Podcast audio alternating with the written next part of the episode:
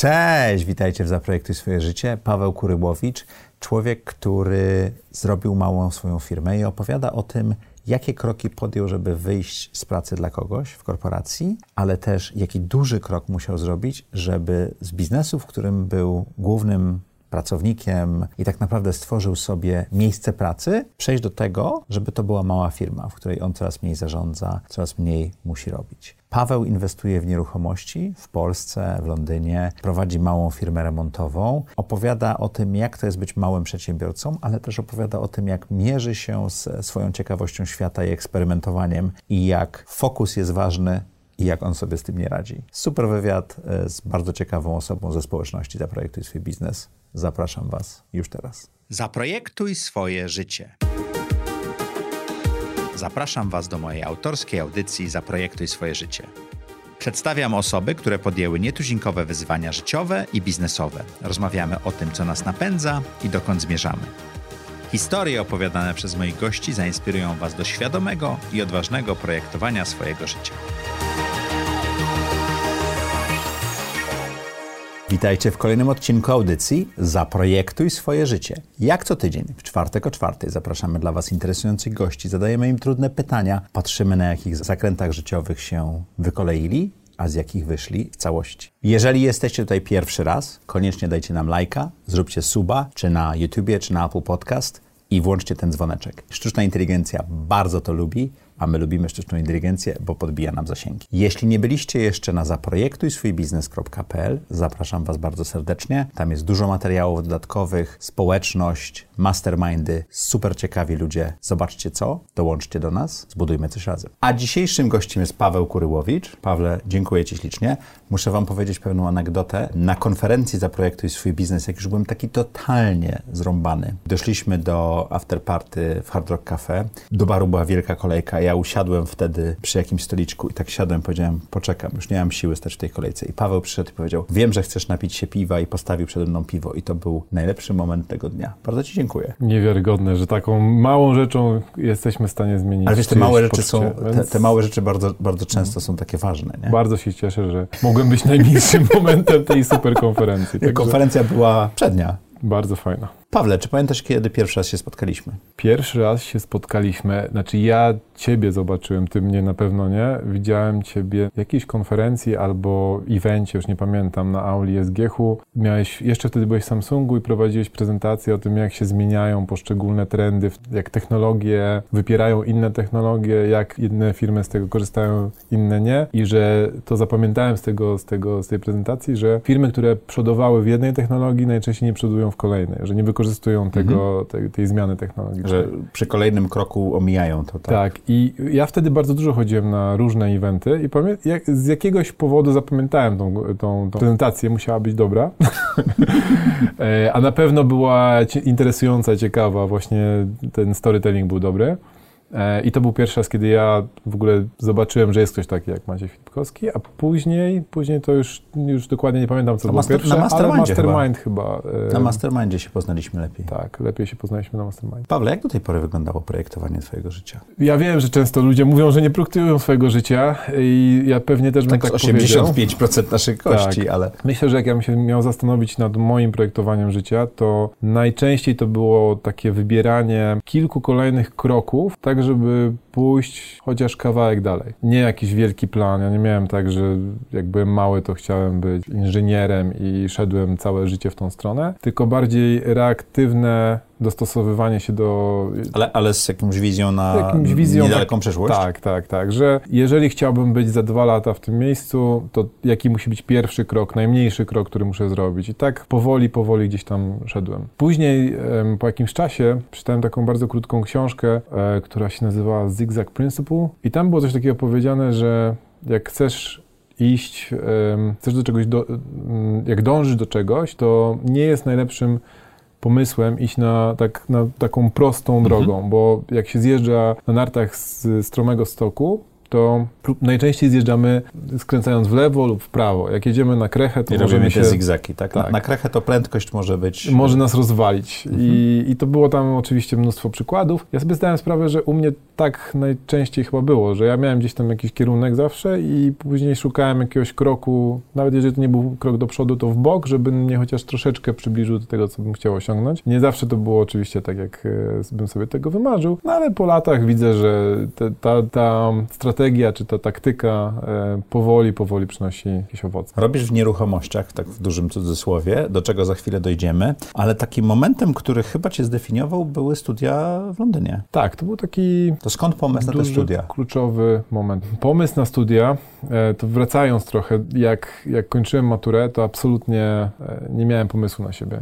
Kompletnie. To Mhm. jakby utożsamiam się ze wszystkimi ludźmi, którzy kończą liceum. Miałem tą przyjemność, czy, czy tą okazję kończyć dość dobre liceum w Warszawie, którego wychodziłem z bardzo kiepskimi stopniami. Ledwo co zdałem maturę, w niektórych przedmiotach lepiej, w niektórych gorzej i absolutnie nie miałem na siebie pomysłu. I zacząłem się zastanawiać, czy rzeczywiście najlepszym wyborem jest pójście na jakiekolwiek studia, tak jak szli moi znajomi, że no, skończyliśmy matwiza w dobrym liceum, więc dobrze jest pójść na Politechnikę albo e, na jakieś inne studia techniczne, e, no bo tak rodzice nam powiedzieli, że tak będzie lepiej, potem, są, potem jest praca. Ja jakoś tego kompletnie nie czułem. Ja nie wiedziałem, co chcę robić po studiach, więc nie wiedziałem, czego mam się Czyli uczyć eksplorowałeś. I no tak powiedzmy, wtedy też była taka sytuacja, że było bardzo ciężko w domu z pieniędzmi e, i ja się zacząłem zastanawiać, jak ja się utrzymam na tych studiach, zostając w Warszawie, bo, no bo nie chciałem już mieszkać Mhm. w, razem z mamą w domu, tak, w mieszkaniu, e, więc szukałem jakichś różnych e, opcji. E, Zacząłem pracować jako jakiś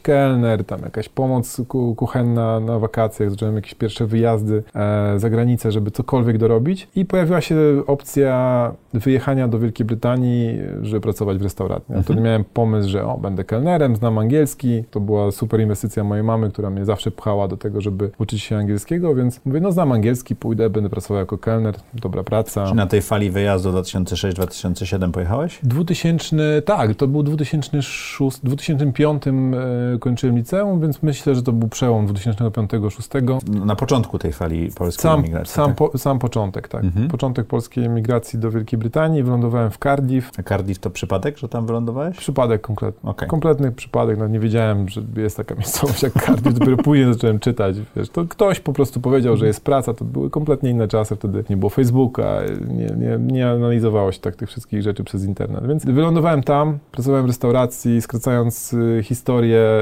w tej restauracji doszedłem tam do jakiegoś poziomu, znaczy najpierw w tej jednej restauracji, później się przeniosłem do Londynu, popracowałem tak półtorej, półtorej roku i e, doszedłem do jakiegoś poziomu tam zastępcy menadżera, czy coś takiego. No i co dalej? W sensie ja zacząłem się zastanawiać, jak ma wyglądać moje życie, bo kompletnie nie wygląda tak, jakbym chciał. No to wydaje, ym, sprzedaję swój czas za pieniądze i koniec. Jakby nic więcej tam nie było. Powoli zacząłem myśleć o jakichś swoich biznesach, jakiś coś tam, jakiś pomysł odnośnie e, kar audio w samochodzie, jakieś inne pomysły takie bardzo Cały czas pracując. tak, tak, tak, cały czas pracując. I stwierdziłem, no dobrze, tylko ja nie mam pojęcia kompletnie, jak się za to zabrać. No i wymyśliłem sobie, ja bym chciał mieć swój biznes, więc pójdę się nauczę biznesu do, na, na studiach. Teraz wiem, że to też nie jest tak do końca, że się da nauczyć biznesu na studiach, ale to było najbliższe... Ale można rozszerzyć wiedzę, tak? Tak, najbliższe, bo ja w ogóle nie miałem pojęcia, jak funkcjonują biznesy, spółki, do czego, jak to w ogóle ugryźć. Więc ten pomysł, żeby pójść na studia, nauczyć się zarządzania, był najbliższym, do, do czego mogłem dążyć. To Jak był wybrałeś taki... uczelnię? Chciałem studiować na pewno w Londynie, bo tam już miałem zahaczenie, już miałem wynajęte mieszkanie, Mhm. miałem pracę, wiedziałem, że tą pracę mogę pogo- pogodzić ze studiami.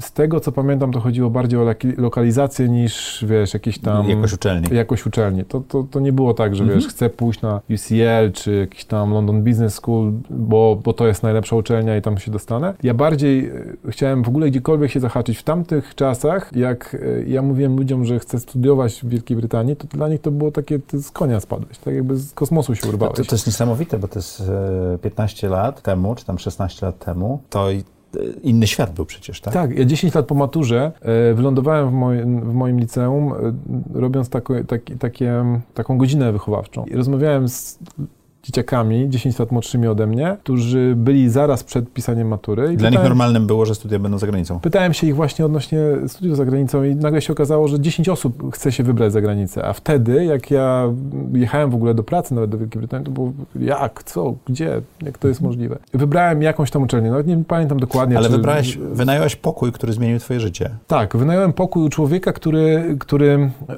wynajmował takich pokoi, myślę, że około 80, bo miał ze 30 domów podzielonych na, na mniejsze pokoje. Ile i- studentów wynajmował? Głównie dla profesjonalistów młodych, Okej. tak. Dużo ludzi tam przyjeżdża, popracuje trochę, wyjeżdża. I oni praktycznie dostają pokój, wspólną łazienkę i tak dalej, tak? Coś takiego, Mhm. tak. To, co teraz się dzieje, jakby jest na oczywistością. w, tak, w nie, Polsce. było, te- nie było tego Nie było 15 tego. lat temu. Nie, nie, nie. To tam to było, tam to było już, już wtedy. Wynająłem ten pokój, poznałem tego człowieka i mówię, wiesz co, Y, on mi zaczął tak w trzy minuty opowiedział o tym, co on robi. Ty weź mnie naucz tego, mi się to podoba. Jedziesz sobie samochodem, zbierasz kasę od, od najemców. Super sprawa, jeszcze do tego masz nieruchomości. Mówię, wiesz co, to, to jest ciekawe, bo jesteś nie, nie pierwszą osobą, którą nauczę. Tak powiedział wtedy. I zapytał się mnie, a jak ty znalazłeś mnie w ogóle w internecie? E, Znaczy, jak znalazłeś ten, ten pokój? Jakby, skąd się wzięło, nie było że... w internecie, nie? To było w internecie. Tak? To było na Gumtree, tylko ktoś mu wystawił ogłoszenie na Gumtree, nawet nie wiem dokładnie kto. I on się mnie pyta, a to dużo osób tak szuka? Ja mówię, no tak, no sporo.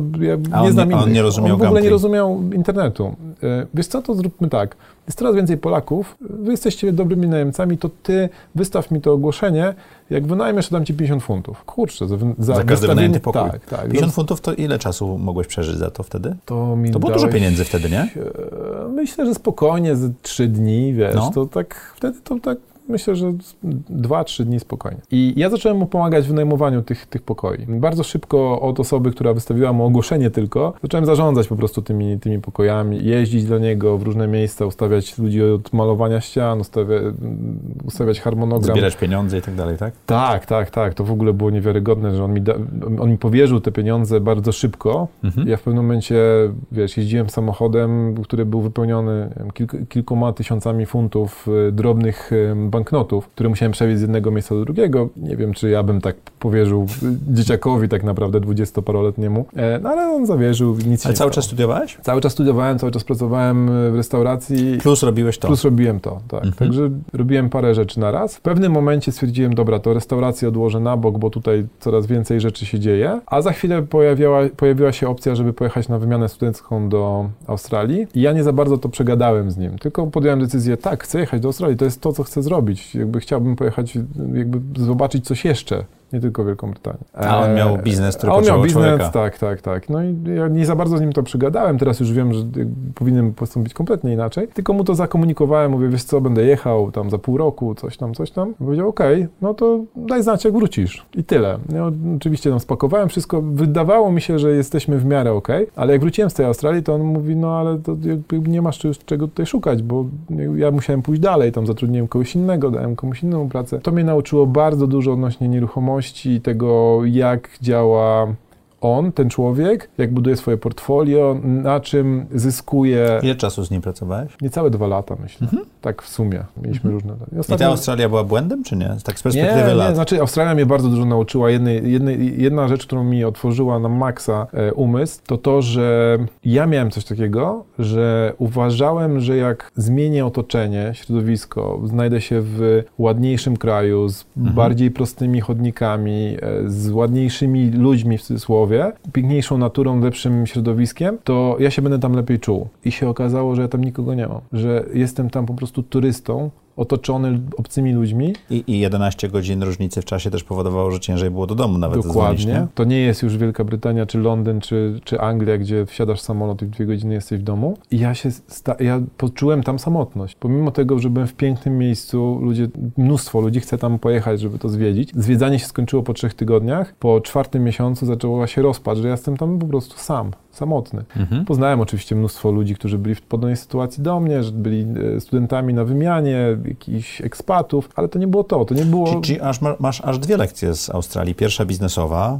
że, że robota na ciebie nie będzie czekała, Tak. a druga, że dystans jednak robi różnicę, nie? Nawet nie tyle, że to, co. Mo, moja lekcja była taka, że to nie y, miejsce sprawia, jak się czujesz, tylko ludzie, którzy cię otaczają, sprawia, jak się czujesz. Przynajmniej, Mądre. przynajmniej we, według mnie. Możesz być w najbardziej beznadziejnym miejscu na świecie, ale jak będziesz otoczony super ludźmi, to będziesz się fajnie czuł. Jak jesteś w pięknym miejscu na rajskiej wyspie, ale jesteś samotny, to po dwóch tygodniach, trzech tygodniach wszystko przestaje mieć znaczenie, zaczynasz tęsknić. Ja pamiętam, że dzwoniłem do, do moich znajomych, wydzwaniałem przez jakieś wtedy połączenia landline, żeby jakkolwiek się tam połączyć telefonicznie, e, żeby sobie pogadać. Po prostu, żeby sobie pogadać. Zastanawiałem się, jak moi znajomi się od, odbierali to, że ja tam wydzwaniam po, po domach, bo to jeszcze wtedy były mhm. przez telefony w domach. A to taniej było zadzwonić na landline niż tak, na komórkę, tak, tak, tak to tak. pamiętam te czasy. My I... teraz wszyscy używamy Zooma, czy tam tak, Messengera, dokładnie. czy Whatsappa, to w ogóle nie, nie zdajemy sobie sprawy, a to było 12 lat temu, tak? 13 lat temu. To były w ogóle miejsca specjalne prowadzone najczęściej przez Pakistańczyków czy Hindusów. Gdzie mogłeś dzwonić? Gdzie były budki telefoniczne, gdzie oni mieli jakieś dogadane jakieś z operatorami, jakieś specjalne taryfy, gdzie zostawiało się kilka tam funtów czy dolarów i można było zadzwonić do kogoś innego po drugiej stronie świata. Nie? Mhm. I to tak działało. Ja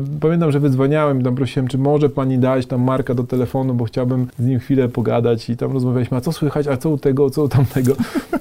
tego się nie poczuję, jeżeli... taką, tak, taką, taką, taki głód te, te, tego towarzystwa, tak? Przede wszystkim głód relacji, takich więzi, które nie, nie że ludzi poznanych przed chwilą, tylko więzi z ludźmi, który, którymi znam od bardzo dawna i gdzie łączą nas takie mocne rzeczy, które przeżyliśmy raz. Ja w ogóle jestem taką dość relacyjną osobą, lubię zadawać się z innymi ludźmi, nie jestem takim samotnikiem i ta samotność tam mnie po prostu dojechała na maksa. To kiedy kupiłeś swoją pierwszą nieruchomość? E, 2013 rok. Warszawa czy Londyn? Warszawa. Mhm. Warszawa. I postanowiłeś wrócić? Po zakończeniu studiów e, wiedziałem, ja, ja już tęskniłem bardzo wtedy za Polską, już nie chciałem w ogóle wracać do Londynu. Skończyłem studia, Wróciłem, zacząłem robić swój biznes, strony internetowe, doradztwo.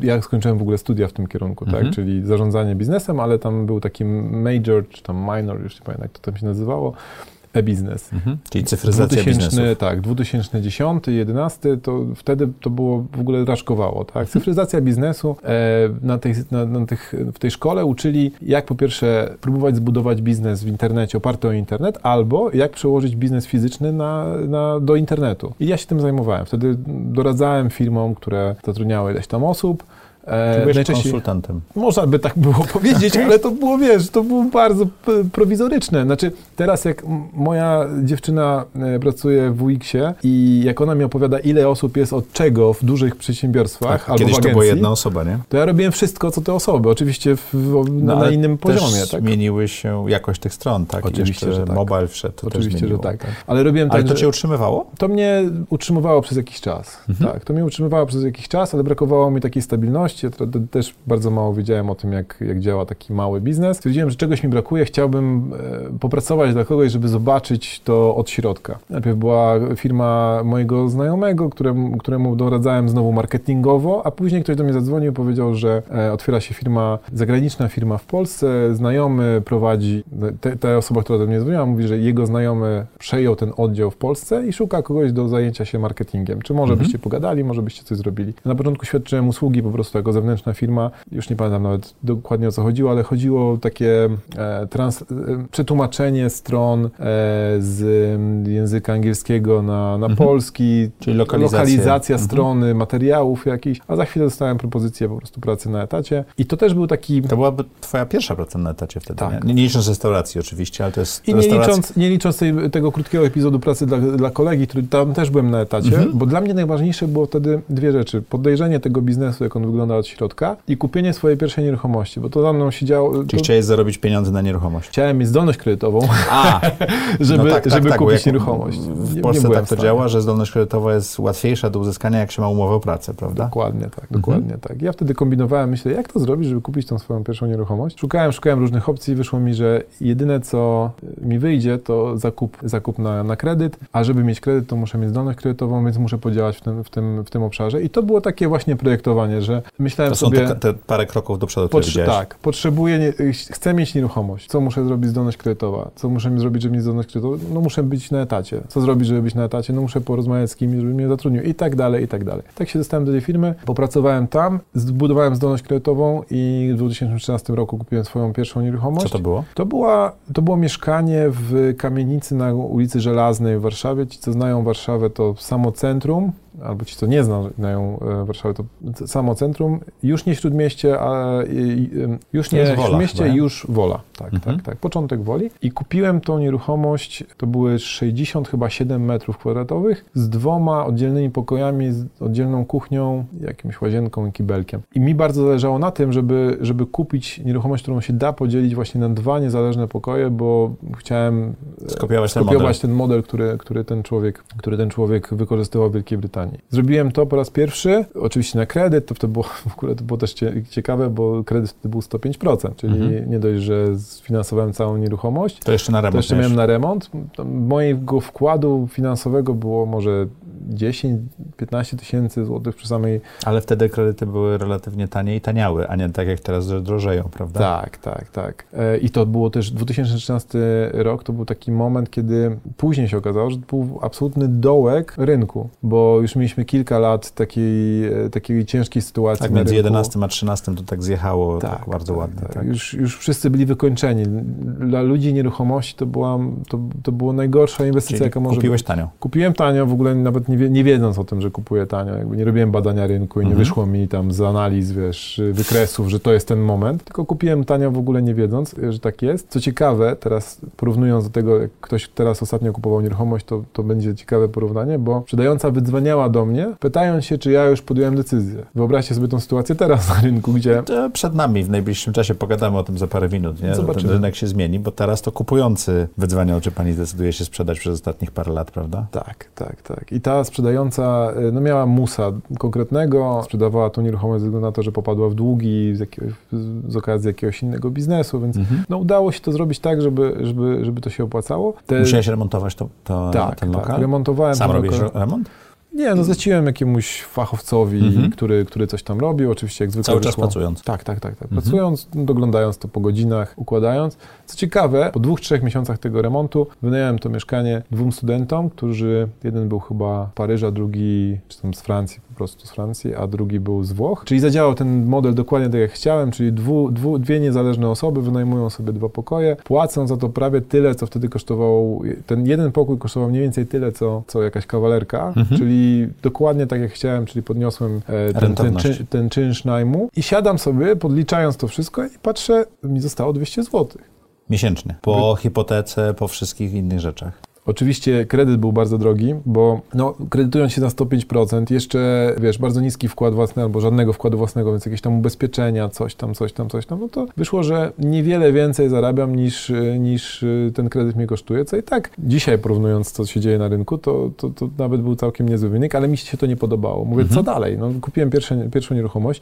Ja chciałem powielić ten sposób tego człowieka z Londynu, gdzie on miał jedną nieruchomość, kupował kolejną i kolejną, a tutaj nie mam nawet jak zarobić na tą, na, na, nawet na ten wkład własny. Więc stwierdziłem, że sprzedaję to mieszkanie. Coś, coś mi się pojawiło pod prysznicem, że a może spróbuję to sprzedać z jakąś dużą, dużą górką i No zobaczymy, bo co się już wydarzy. działa i jest wynajmowane, prawda? Tak, tak. Udało tak. się? Wyremontowane, wynajmowane. Tak, udało się i to pamiętam, że y, przyniosło to zysku, tak jakby policzyć za ile kupiłem, wyremontowałem, włożyłem tam kasę w, e, w te wszystkie umeblowanie, to całe umeblowanie, a za ile sprzedałem, to wyszło 120 tysięcy powyżej Zysku. zysku. Mhm. Oczywiście nie licząc podatków i tak dalej, bo później no, też miałem e, trochę przejść z tym, ale tak jakby ile pieniędzy było taki cashflowowo, jakby A ile było zarabiałeś jako ten marketingowiec w tej firmie? chyba ze 114 tysięcy brutto rocznie.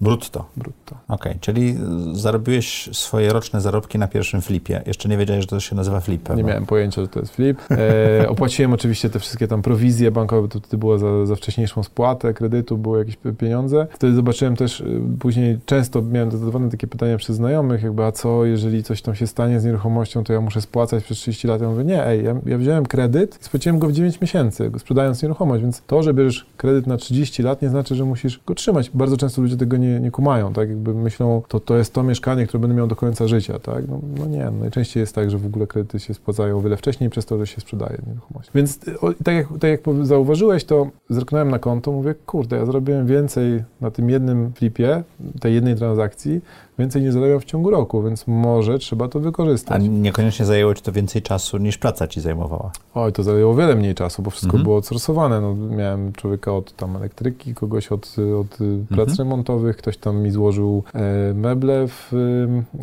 w mieszkaniu i jakby większość rzeczy polegało tylko na organizacji pracy. Mówię, okej, to, to jest coś, czy, czym chciałbym się zająć. No i tak powoli, powoli różne rzeczy i w 2000, będzie teraz już 5 lat, czyli w 2017 rozstałem się z firmą, w której pracowałem. Czyli Porozmawiałem- cały czas, cały czas pracowałeś i robiłeś sobie w tle flipy.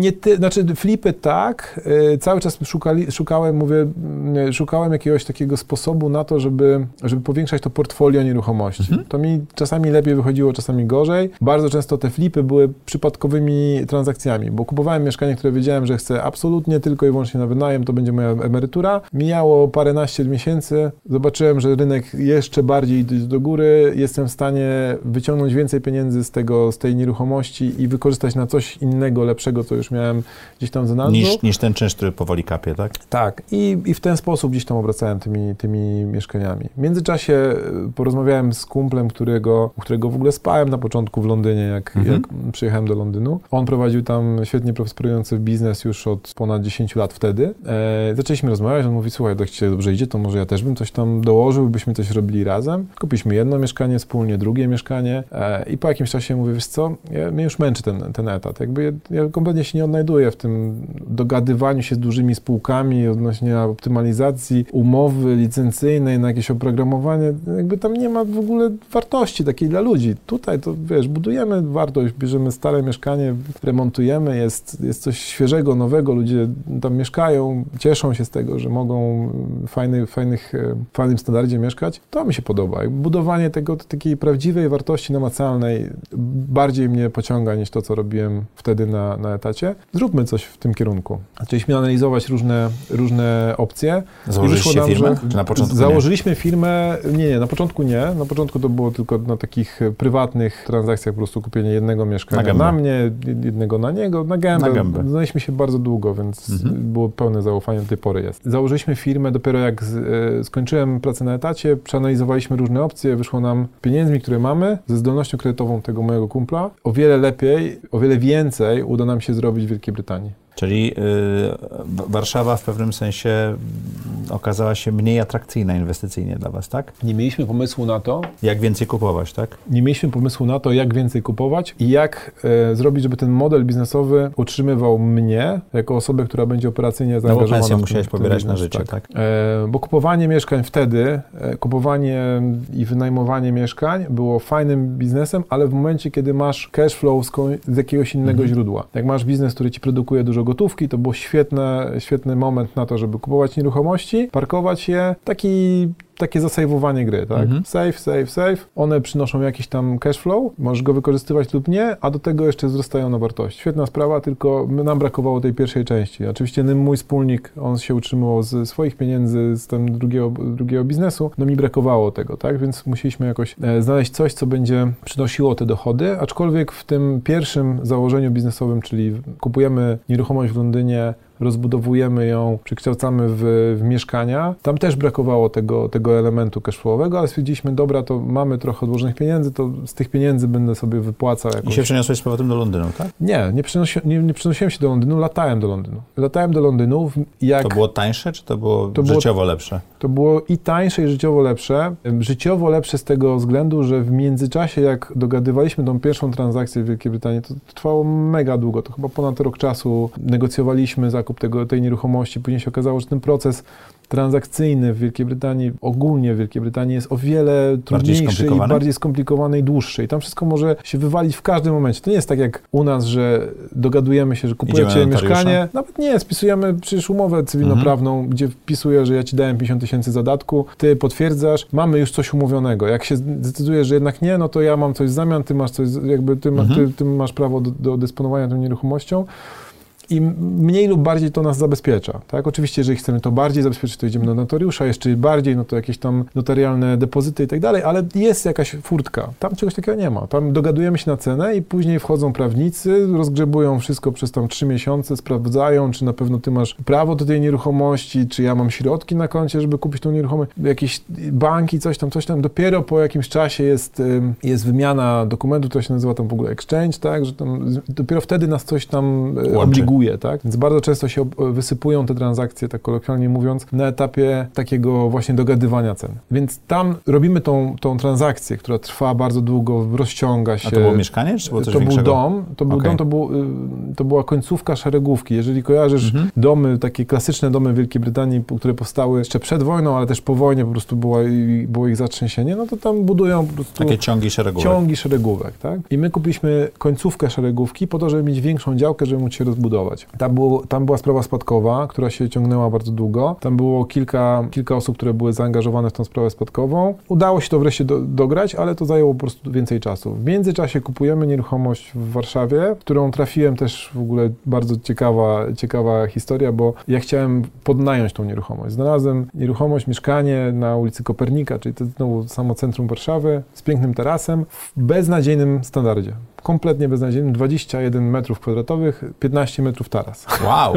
Mieszkanie przerobione z jakiegoś strychu da, dawno, mhm. dawno temu. Ale super lokalizacja, super budynek. Znajduję to mieszkanie gdzieś na jakiejś grupie na Facebooku, czy jakimś innym miejscu, jakimś portalu ogłoszeniowym, że jest do wynajęcia. I za cenę, jak policzyłem, niższą niż kredyt, który bym musiał płacić, żeby, żeby, mhm. mieć, tą, e, żeby mieć to mieszkanie. Mówię, idealny, idealny pomysł na to, żeby, znaczy idealny sposób na to, żeby to podnająć, czyli dogadać się z tymi ludźmi, że to wynajmę, wyremontuję i będę wynajmował dalej, tylko z założeniem, że zrobię to przez długi termin. Więc umawiam się z tymi ludźmi, przyjeżdżam na miejsce, tłumaczę im, co chcę zrobić, a oni mówią, nie, wie pan co, bo to taka znajoma wynajmuje tak naprawdę, ona mieszka w Belgii. Ja nie wiem, czy ona nie będzie chciała za chwilę sprzedać tego mieszkania, czy nie będzie chciała coś tam innego zrobić. Ja nie sądzę, żeby ona się zgodziła na to, żeby pan to wynajął na 5 lat. Mhm. Oni chcieli po prostu to wynająć na pół roku, na rok i koniec. Ja mówię, wie pan co to, dostałem numer do siebie, jakby pojawiła się opcja, żeby to kupić, to ja jestem bardzo zainteresowany. Dzwonią do mnie za 2, 3, 4 miesiące, już nie pamiętam.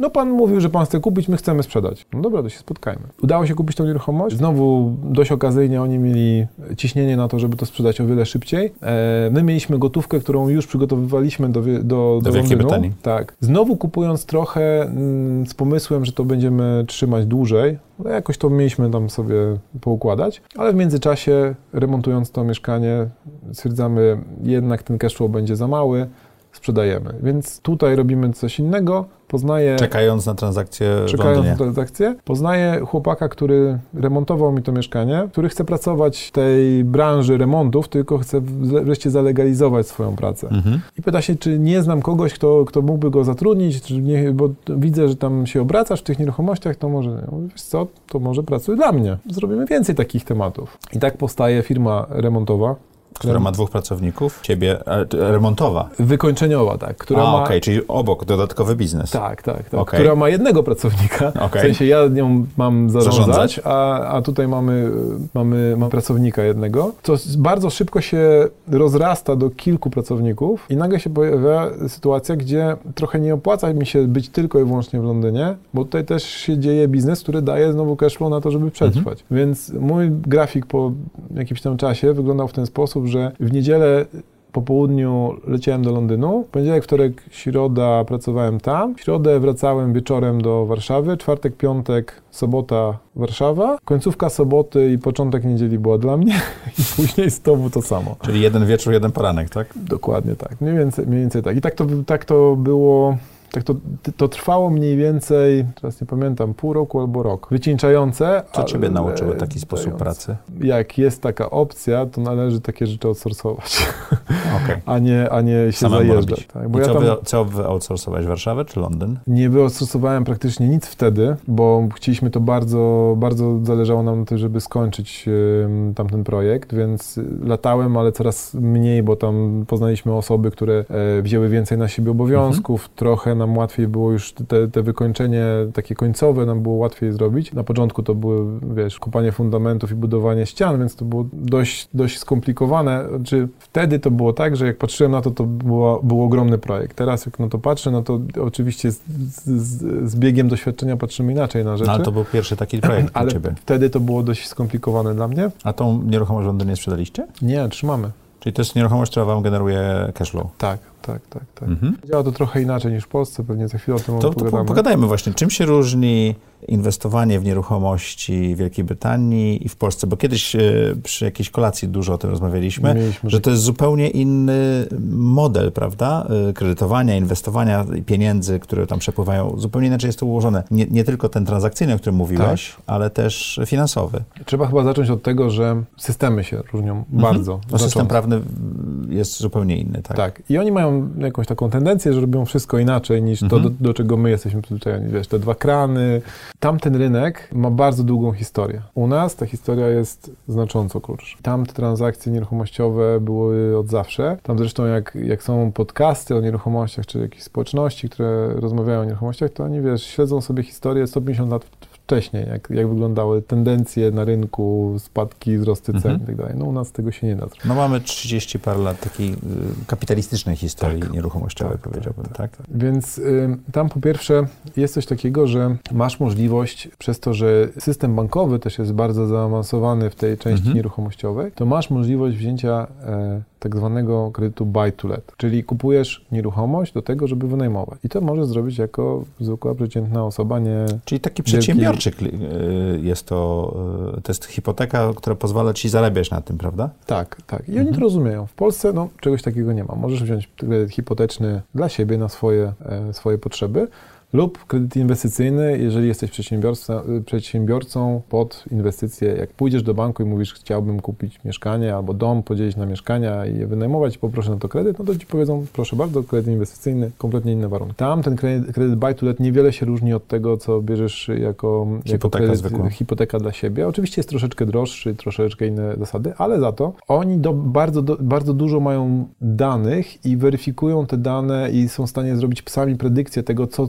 tobie wyjdzie z tej nieruchomości. Czyli wiedzą, za ile wynajmniesz mniej więcej, czyli wiedzą, y, czy będziesz w stanie spłacać kredyt, tak? Robią sobie stres test w ogóle na Mhm. tobie, patrzą, co się wydarzy, jeżeli stopy procentowe pójdą do góry, procentowanie tego kredytu pójdzie do góry. E, Bo to jest kredyt ze zmienną stopą procentową. To jest tak, że tam jest em, pierwszych chyba od dwóch do pięciu lat masz, e, masz stałą stopę procentową, Mhm. e, w zależności od tego, jak się do, dogadasz z bankiem, a, a, a później on się zmienia na, na zmienną stopę procentową. Natomiast tam to też działa w ten sposób, że wszystkie banki o tym wiedzą, jak to, jak, jak to wszystko jest poukładane, więc bierzesz sobie na dwa do pięciu lat w jednym banku, później idziesz, refinansujesz to w drugim banku Na stałą stopę procentową. znowu na stałą stopę Mhm. procentową. Czyli banki sobie weryfikują, czy ten biznes, który sobie gdzieś tam wymyśliłeś, się zepnie i czy chcą wejść w ten biznes z tobą. Wchodzą na o wiele niższym, oprocent, y, naj- najniższym LTV, czyli na tej Mhm. wartości zakredytowania nieruchomości 75%, 70%, czyli inaczej niż takie kredyty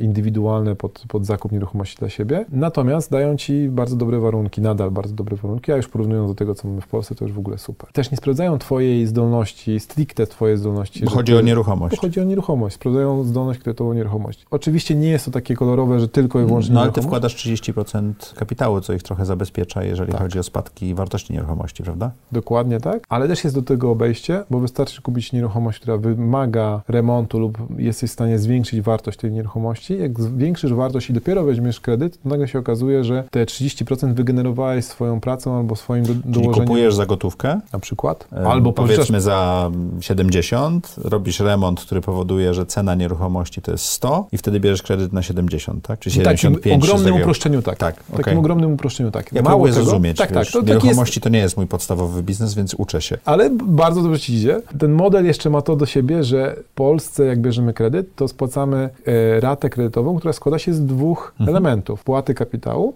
i spłaty odsetek. Tam możemy wziąć taki kredyt, który składa się tylko ze spłaty odsetek. Czyli kapitał jest ciągle niespłacany. Kapitał jest ciągle niespłacany z założeniem takim, że albo refinansujesz tą nieruchomość za jakiś czas i znowu spłacisz ten kapitał kolejnym, kolejnym kredytem, albo sprzedasz tą nieruchomość i wtedy spłacisz ten, ten kapitał, zakładając, że ceny nieruchomości idą Mhm. Na przestrzeni historycznej, ich tam 150 lat idą do góry, to będzie moment, w którym będziesz mógł spokojnie to spłacić, a ty zyskujesz na tym tyle, że płacąc tylko odsetki masz stosunkowo niższą e, ratę kredytu, która ci pozwala generować cash flow z tej nieruchomości, bo najemcy... Czyli nie masz tak, jak miałeś te 200 zł, które ci zostawało, Dokładnie. Tak? Bo nagle się okazuje, że ta rata kredytu jest niższa, najemcy ci płacą więcej, opłacasz wszystkie koszty i jeszcze ci zostają pieniądze. A to, na czym zarabiasz na nieruchomości, to jest po pierwsze czynsz, a po drugie to, że masz nadzieję, bo nie wiesz tego, że wartość tej nieruchomości będzie rosła w czasie, tak? Dokładnie okay. tak. Dokładnie tak.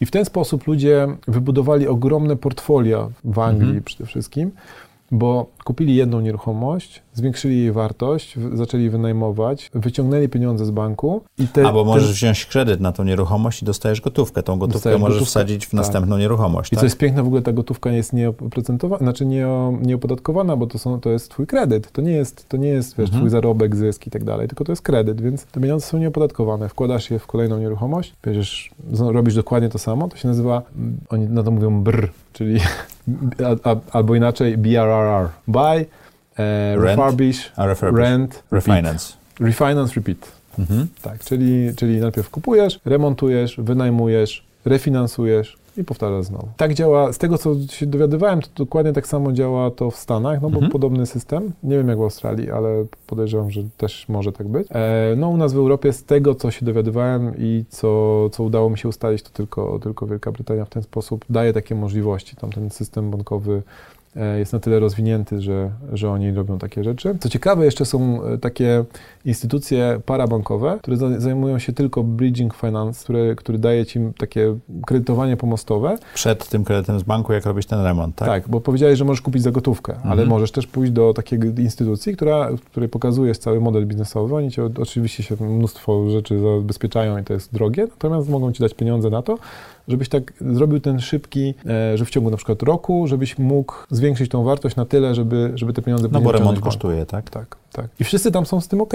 To nie jest tak jak Polsce znowu, że wiesz, masz kogoś innego na hipotece niż bank, to banki już nie chcą tego kredytować, tylko tam wszyscy rozumieją, jak to działa. Ten system się tak długo tam e, budował. Ostatnie lata, szczególnie po, po kryzysie e, finansowym, spowodowały, że oni się też zaczęli coraz bardziej zabezpieczać. Trochę rządy pozmieniały też system, że bardziej się opłaca to robić na spółkę limited niż na osobę fizyczną. To ewoluuje, tak, mhm. jak wszystko. Czy dalej jesteś w takim rozkroku między Londynem a Warszawą, jeżeli chodzi o... Firma remontowa ciągle działa. Tak. Inwestycje y, w Londynie ciągle się dzieją, czy już nie? My za, za, zamknęliśmy ten projekt na etapie spięcia całego biznesu, mhm. czyli mieszkania się wynajmują, jest pozytywny cash flow, mieszkania są wyremontowane, oczywiście ten, ten dom po, powiększył swoją, swoją powierzchnię dwukrotnie, e, także tutaj wszystko jest zrobione. I na pokoje jest to zrobione? Na nie, na, na mieszkania. Na mieszkania. W, tamtym, tamtym, w tamtej lokalizacji lepiej to było zrobić na mieszkania, także Tutaj ten projekt cały jest zakończony, wszystko jest tak, jak chcieliśmy i zakończyliśmy to na ten moment. Mój wspólnik kupuje dla siebie teraz nieruchomość, znaczy już kupił mhm. i teraz jego, jego fokus jest na tym, żeby wyremontować mieszkanie dla siebie. Przez chwilę trochę więcej czasu spędziłem tutaj w Warszawie.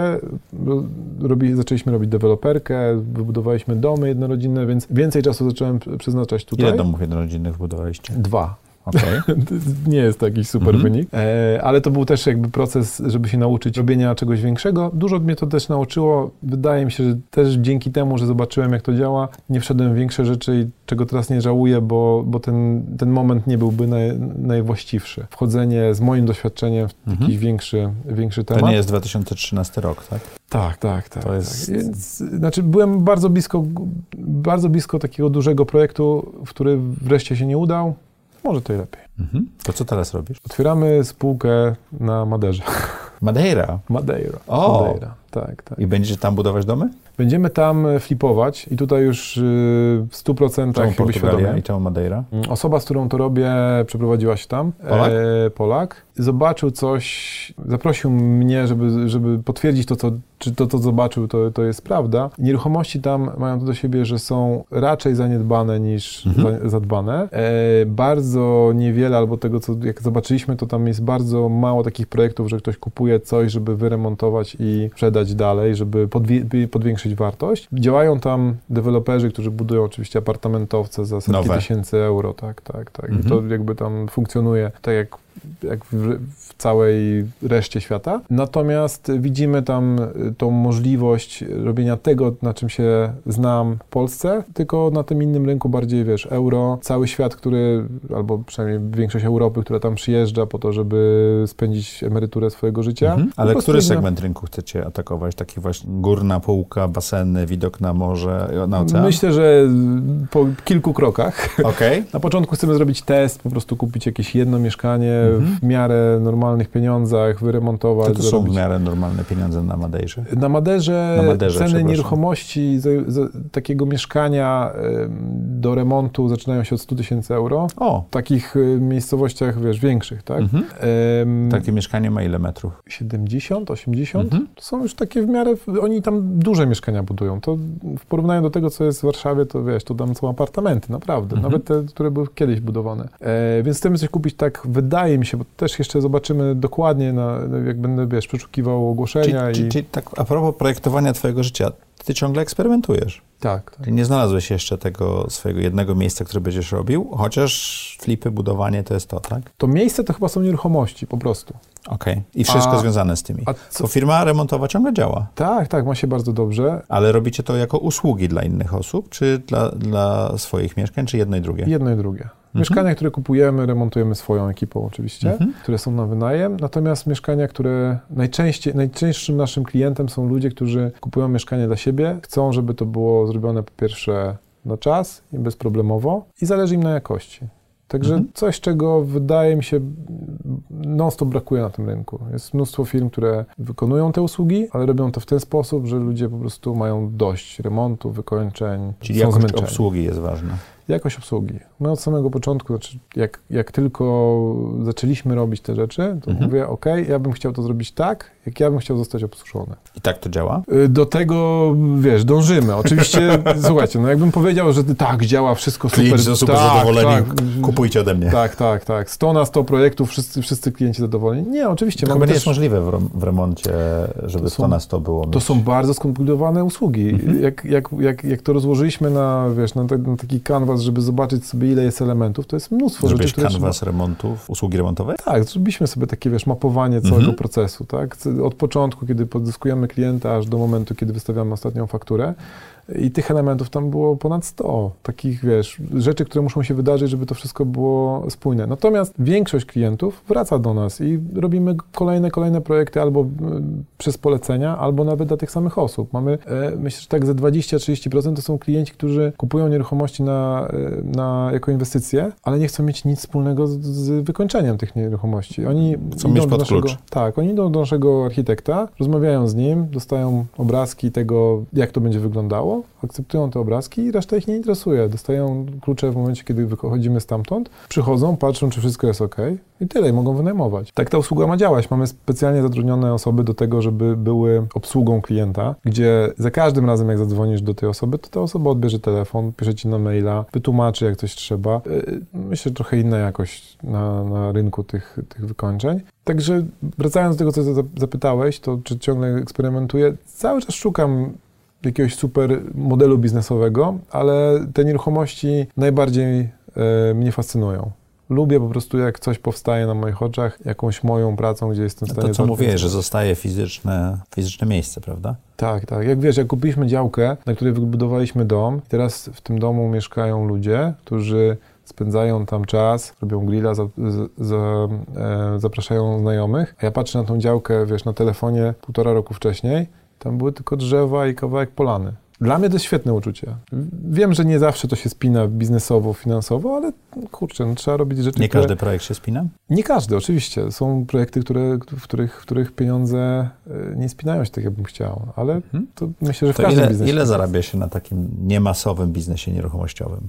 To jest y, biznes, który teraz prowadzimy, to jest kilka milionów ro, rocznie w tym Mhm. momencie przychodu. Zyskami jest bardzo różnie, bo dużo inwestujemy powrotem, Mhm. cały czas kupujemy nieruchomości, więc trzeba było spojrzeć w tabelki, jakbyś mi powiedział, która, które, którym, które miejsce Cię interesuje, to A biznes e, remontowy? On też jest tak, on, je, on jest to zyskowny? jest wszystko razem. A, tak, to jest tak. wszystko w jednej Tak, kupie, tak? tak, Czyli tak, remonty wszystko. czasami na, zarabiają na mieszkania i tak dalej, tak? Tak. Biznes remontowy od samego początku był zyskowny. Mhm. Tam zainwestowaliśmy może 10 tysięcy złotych, jakieś porządkowe mhm. narzędzia, jakieś takie wiesz, rzeczy, które były potrzebne Niezbędne pierwszego dnia. Natomiast od samego początku ja sobie założyłem, że ten biznes będzie sam siebie utrzymywał mhm. i rośliśmy bardzo powoli, e, organicznie. Tak, zatrudniając... Jak dużo pracujesz? Zależy kiedy. Czyli masz takie momenty jak ten szpagat z Londynem i z Warszawą? Tak, tak, tak. To są, się zdarza, Są tak? takie momenty, kiedy pracuję bardzo dużo, także zaczynam dzień o 6-7 rano, kończę o 23. Są takie momenty, kiedy wyjeżdżam na wakacje na 3 tygodnie i praktycznie nie, nie otwieram laptopa. Więc I nie ma takiej potrzeby. Już nie ma takiej potrzeby. Są ludzie, którzy przejęli ode mnie. Czyli nauczyłeś się tego delegowania dobrze. Tak, tak, tak. W ogóle w pewnym momencie zauważyłem, że wiesz, nie masz biznesu do momentu, kiedy, kiedy ten biznes, nie, kiedy ta firma nie działa sobie sama. Oczywiście. O ty możesz gdzieś tam dokręcać mhm. te, te, te śrubki, sprawdzać, weryfikować. Natomiast... Czyli masz pracę, przed tym momentem masz pracę, którą tak. nazywasz biznesem, tak? tak a potem masz biznes. I to w zależności od tego, w którym miejscu chcesz być. Jakby, czy chcesz być już takim typowym udziałowcem, że w ogóle nic cię nie interesuje przez trzy miesiące, tylko na koniec kwartału sprawdzasz tabelki, czy chcesz a w maju być... czekasz na dywidendę. Tak. Czy chcesz być rzeczywiście właścicielem biznesu, który układa, doprecyzowuje te procesy, szuka, zatrudnia ludzi, ale nie zajmuje się samym operacyjnym biznesem. Ja tu mówię o mikroskali, tak? Nie mówimy o jakichś hmm. dużych... Ja, ja, ja, znam twoich gości tej audycji, więc wiem, że tutaj, wiesz, tuzy biznesu przychodzą i dla nich to jest oczywiste. Natomiast... Ale wiesz, mamy bardzo szeroki rozstrzał gości, także to jest interesujące, że bycie przedsiębiorczym, o czym jest audycja Zaprojektuj swoje życie, nieko, nie, niekoniecznie oznacza miliardy złotych, tak? Tak, dokładnie. Tylko bardzo często ludzie się zatrzymują na tym, że mam firmę usługową, w której pracuję jestem właścicielem biznesu. I nie robią kanwasu, nie rozpisują procesów, nie szukają ludzi, żeby tym zarządzili. To tak. jest to, co ty zacząłeś robić. Ja to bardzo szanuję, że ludzie tworzą sobie, mhm. sobie miejsce pracy, natomiast najczęściej jak rozmawiam z takimi osobami w moim gronie znajomych, to zaczynam im zadawać pytania, ej, a zwróci, myśleliście jakby wyglądał ten biznes, gdybyście się mieli odciąć w ogóle od tej operacyjnej części biznesu, czyli... Przestałaby działać. Dokładnie. I to było taki, to, to było chyba takie trochę naturalne, że ja z samego początku wiedziałem, że muszę budować tą firmę usługową, która była jedną nogą tylko biznesu, tak, żeby, żeby ona miała na tyle dużą skalę, żeby była, była przestrzeń na to, żeby była ta osoba od sprzedaży, żeby była ta osoba od zarządzania projektami, żeby e, było, były pieniądze na to, żeby była firma, która zajmuje się usługami finansowo-księgowymi, która odciąża mnie od wielu rzeczy. Mhm. I polecam każdemu małemu przedsiębiorcy, żeby się zastanowił, co musiało się,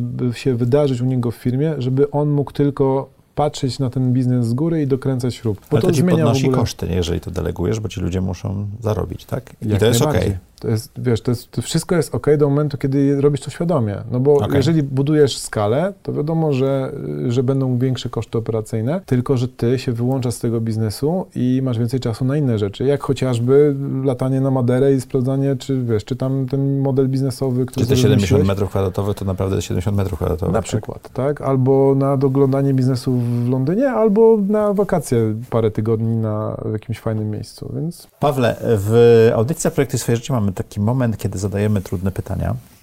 On właśnie nadszedł, ale ty miałeś anegdotę dotyczącą y, trudnych pytań, bo byłeś na afterparty po konferencji i co się stało? Tak, słuchajcie, jak byłem na afterparty, to podeszli Macieja pracownicy mhm. z kamerą i z mikrofonem, ale to była już taka, taki koniec afterparty, ja już byłem po kilku drinkach i mówią, no to teraz jest taki moment, kiedy zadajemy trudne pytania i zaczęli robić kółko wokół naszego stolika. Ja mówię, o ciekawe jestem, jakie pytanie na mnie padnie. Już nie pamiętam dokładnie, co to było, ale to chyba właśnie jakiś tam naj, największy błąd twojego życia. Mnie po prostu wycięło. Kompletnie nie byłem w stanie odpowiedzieć. Tak jak wydaje mi się, że najczęściej jestem w stanie odpowiedzieć na pytania, to wtedy... Elokwencja, elokwencja o, około północy się. wyłączyła tak. się, tak? Nie odpowiedziałeś? Chyba próbowałem jakoś uniknąć tej Kurczę, odpowiedzi. Nie, nie mam jeszcze tych nagrań, musimy zobaczyć to nagranie, zobaczymy. Chyba, chyba nie była to jakaś super odpowiedź, także mam nadzieję, że... Może wkleimy teraz, Kuba, ten kawałek, kiedy Paweł próbował się wymigać. No dobrze, teraz są moje trudne pytania, e, nie na afterparty. Mhm. Czy pamiętasz najlepszą decyzję, jaką podjąłeś w życiu i czy masz ją opisać? Tak, to było przejście na, e, na swoje. 2017 rok, tak? 2017 rok, e, bardzo dużo myślenia o tym, żeby przejść na, na swoje, dużo analiz tego, jak będzie wyglądało moje życie, jak nie będzie wpływało na konto tyle i tyle i jak ja poradzę sobie z kredytem i coś innego.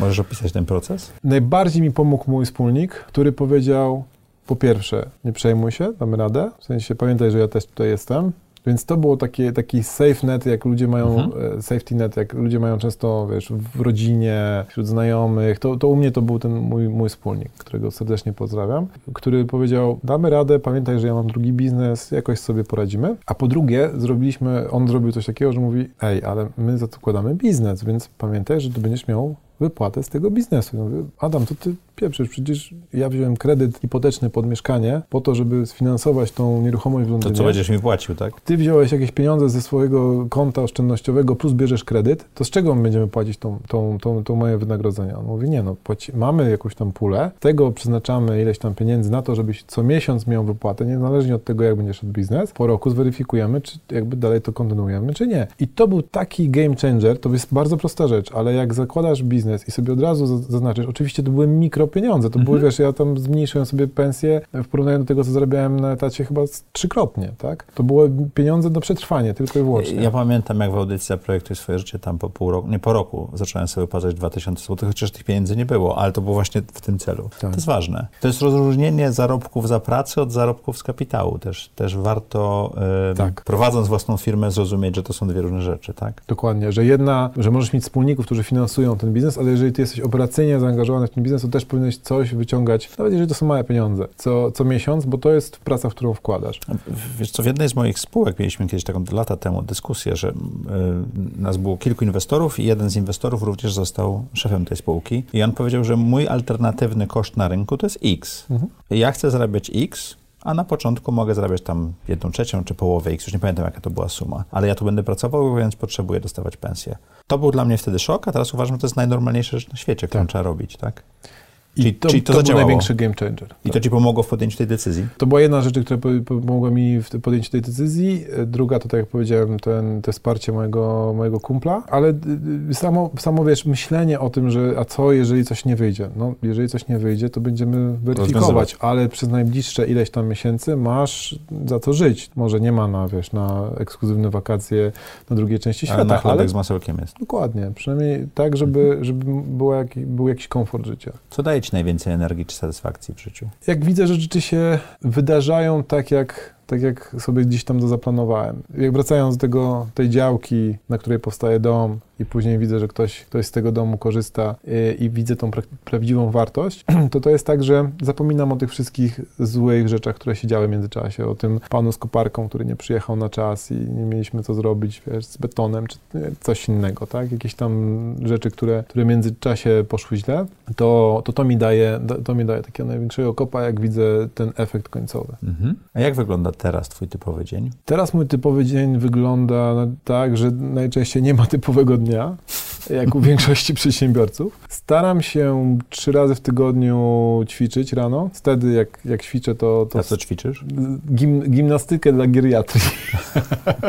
Może to się nazywa crossfit, nie? Nie, nie. Nie, nawet nie. Nie, nie, nie Okej. crossfit. Ja mam problem z kręgosłupem, więc Okej. y, ćwiczę, ćwiczę po to, żeby wzmocnić sobie mięśnie ogólnie w ciele, te, te głębokie. Chodzę na siłownię plus jakaś yoga. Wtedy wstaję około 6 rano, 6.30 mniej więcej na, jestem na sali czy tam na siłowni. Robię, robię co trzeba, wracam, jakieś śniadanie i zaczynam pracę koło, koło dziewiątej albo przed dziewiątą. I tutaj nie ma takiej, takiego standardu, że wiesz, że najpierw robię to, a później tam to. Robię to, co trzeba. Oczywiście rozkładam sobie to na jakieś takie priorytety. Bardzo różnie to jest. Mnóstwo spotkań, e, mnóstwo maili, które mnie gonią, wiesz, jakieś rzeczy, które muszę po, podomykać. Wieczorem najczęściej e, czas dla siebie plus kolejne spotkania, takie bardziej integracyjne ze społecznościami, w których jestem. Jakoś, jakoś tak mniej więcej to wygląda. Mhm. W ilu społecznościach jesteś? Kilku, bo to znaczy społecznościach, to dużo powiedziane społeczności to są, wiesz, grupy na przykład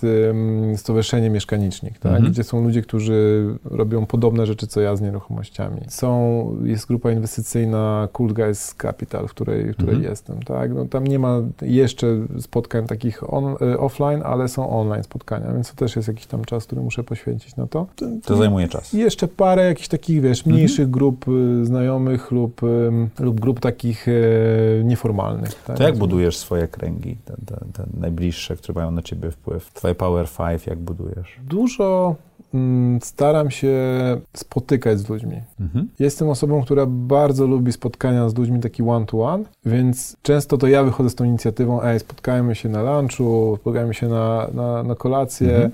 e, albo weekendowo jakoś. To, to buduje największe więzi, jakie do tej pory byłem w stanie zbudować. Oprócz tego w tym Power 5 też są, są ludzie, których słucham, ale rzadziej się widzę. Czyli na przykład ta audycja, tak? gdzie, Mhm. gdzie to, ja uważam, że to też jest moje Power 5, że, że słucham No to, nie, to nie muszą być osoby, które fizycznie spotykasz, Tak. to mogą być książki, wiesz. To może być profil na Instagramie, który Mhm. śledzisz, tak? Mhm. Natomiast ja jestem, odkryłem to po, po zrobieniu sobie mm, testu Galupa, że ja jestem bardzo, bardzo taką towarzyską osobą.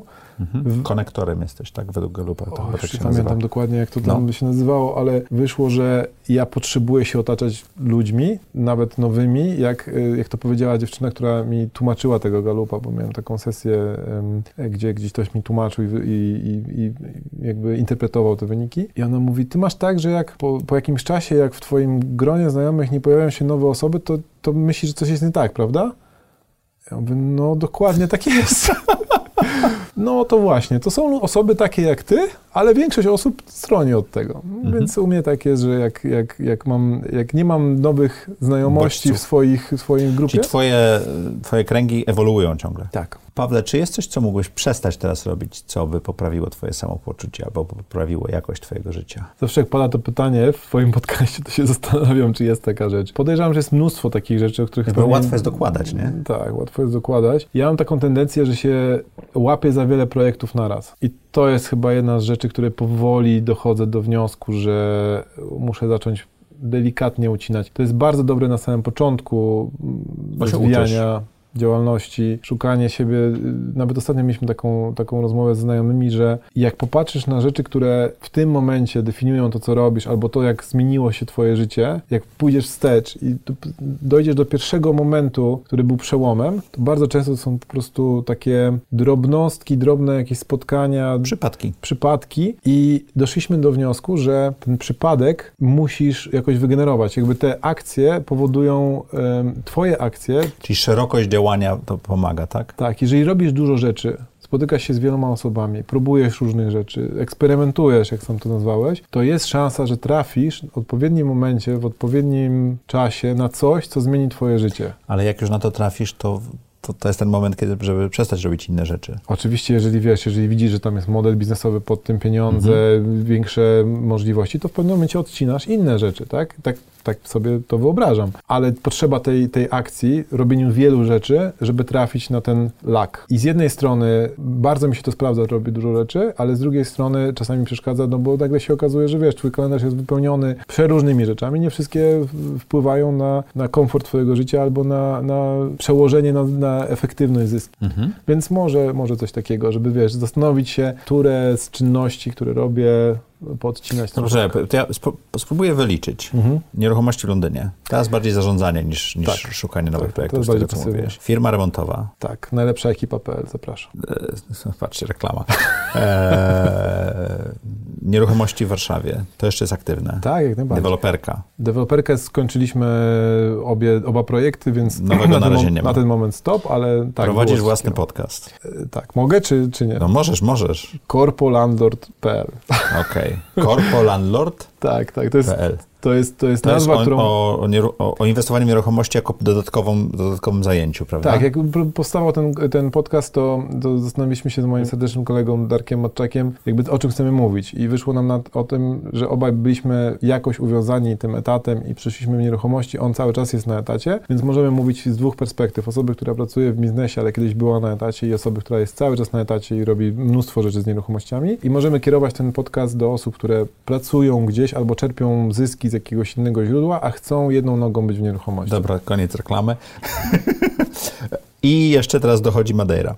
To jest bardzo świeży projekt. I masz społeczności, z którymi inwestujesz i robisz różne rzeczy. Tak. I mówisz, że nie bardzo masz co wyciąć. E, nie, mówię, że muszę się zastanowić nad tym, co powycinać. Więc to wiesz, to jest tak jak, tak jak wyliczyłeś, to, to jest mnóstwo rzeczy różnych. I to, I to jeszcze w dodatku różnych, tak? Tak. Bo to różnych geograficznie, różnych um, sposobem działania, tak? Czym innym jest deweloperka, czym innym jest firma remontowa. Wydaje się, że blisko, ale to jest zupełnie coś innego. Albo prawda? prowadzenie podcastu, jak dobrze wiesz. A, tak, prowadzenie podcastu jest samo w sobie dość angażujące, tak? Tak, tak, tak.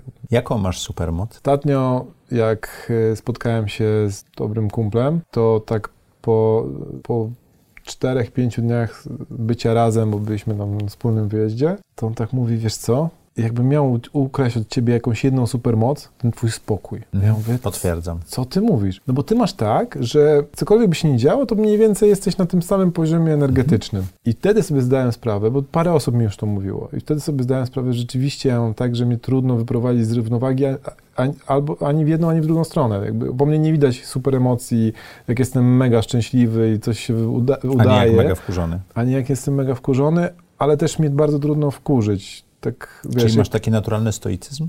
jak tak mówisz, to pewnie tak jest. Dobrze. O wewnętrznych kręgach mówiliśmy. Trzy rzeczy, które chciałbyś robić za trzy lata to? Chciałbym mieć jeszcze więcej czasu na rzeczy, które, które po prostu chcę robić i to Niekoniecznie biznesowo, tak? niekoniecznie biznesowo. To jest jedna rzecz, która zamyka cały zbiór rzeczy. Bo tam wiesz, jest i kitesurfing, i podróżowanie, i spędzanie czasu z przyjaciółmi. Doszedłem do wniosku, że największym sukcesem dla mnie, jak, jak każdy musi sobie zdefiniować swój sukces. I dla jednego to jest posiadanie x pieniędzy na koncie, kto inny tam, wiesz, drogie samochody, kto inny życie gdzieś tam. A ja mam, ja mam tak, że ja po prostu chciałbym nie musieć robić nic, ale z drugiej strony na pewno znajdą się rzeczy, które będę robił. Jak widzisz, jakby jestem dość aktywny, więc myślę, że to pozostanie. Natomiast bardzo bym chciał mieć taką swobodę, że jak będę chciał, to, to usiądę i coś tam porobię w tym, w tym obszarze, ale żebym nie musiał, żeby nie było takiego, wiesz, Nie ciśnienia. musieć. Tak, więc I to są wszystkie trzy rzeczy. te nie musieć, to, to już zamyka wszystkie trzy rzeczy, bo Dobrze. cała reszta to tam. Książka która? Oj, tutaj mam takiego mocnego zawodnika. To jest y, negocjuj tak, jakby od tego zależało twoje życie. To jest chyba Mhm. przeka- przekład po polsku, a tak napra- ym, po angielsku to się nazywa Never Split the Difference, Chrisa Vossa. To jest książka, która nie dość, że jest fajnie napisana, bo gość był byłym agentem FBI i opowiada o swoich em, doświadczeniach jako negocjator z y, sytuacji zakładniczych, gdzie jest po prostu zakładnik jako człowiek i on próbuje go e, wyciągnąć z tej, tej opresji. E, ale do tego wszystkiego jest teoria tak. On w ogóle zmienia paradygmat tego, jak myślisz o negocjowaniu trochę. Tak. Tak. ksi- po przeczytaniu tej książki zmienia się... y, I to jest jedyna książka, którą jestem w stanie policzyć, jakie ROI mi przyniosła, bo tam ja mogę liczyć już w dziesiątkach tysięcy złotych, mhm. zastosowaniu prostych technik, które tam są opisane, które mi dały ogromne zwroty. No, szczególnie w moim biznesie, gdzie wiesz, jedno Mhm. zadane pytanie powoduje, że czasami 20 tysięcy złotych jest na plus albo na minus, w zależności od sytuacji. Co chciałbyś, żeby słuchacze i widzowie audycji Zaprojektuj swoje życie zapamiętali z tej rozmowy? Dla tych, którzy nas słuchają i prowadzą małe biznesy, to chyba to, co, o czym rozmawialiśmy, tym wyjściem e, z roli pracownika w swojej firmie i takim najlepszym sposobem na to, moim zdaniem, jeżeli ktoś jest uwiązany w prowadzeniu usługi, bo to bardzo częsty Mhm. Usługowy biznes. usługowy biznes, jakikolwiek, czy to jest osoba, która jest fryzjerem, czy osoba, która spawa, czy nie wiem, zajmuje się mechaniką samochodową, to wyjście z roli osoby, która dostarcza usługę i, i pierwszy krok moim zdaniem to przejście w roli sprzedawcy. Zacznij sprzedawać tą usługę, a znajdź osoby, które ci będą te, tą usługę dostarczały. Bo później z, z roli sprzedawcy bardzo łatwo wyjść, gdzie już jak przejdziesz przez tą, tą, ten cykl sprzedaży, nakręcisz ten biznes, to zatrudnienie sprzedawcy i wychowanie go będzie ci o wiele łatwiej. Wtedy wyjdziesz na rolę taką typowo organizacyjną. Mhm. To moim zdaniem takie bardzo krótkie, krótkie ruchy. Ja to trochę na zasadzie prób i błędów u siebie przetestowałem. Wydaje mi się, że w każdym biznesie usługowym da się to zrobić. Czyli wyjście z korporacji na własny biznes to jest jeden krok, ale tym większym jest zrobienie z tego biznesu firmy. To jest kompletnie inny, wiesz, y, kompletnie inna skala. Wyjście z korporacji było bardzo małą rzeczą w porównaniu do tego, jak... Ale jak, wydawało się trudniejsze. Ale oczywiście, tak, tak, tak, bo to wiesz, no każdy problem jest duży wtedy, kiedy się z nim mierzysz, a później to już mówisz, no przecież to taka drobnostka. Dziękuję Ci ślicznie. Ja Ci bardzo dziękuję, Macieju. Dziękuję Wam i jak co tydzień w czwartek o czwartej zapraszamy do audycji Zaprojektuj swoje życie.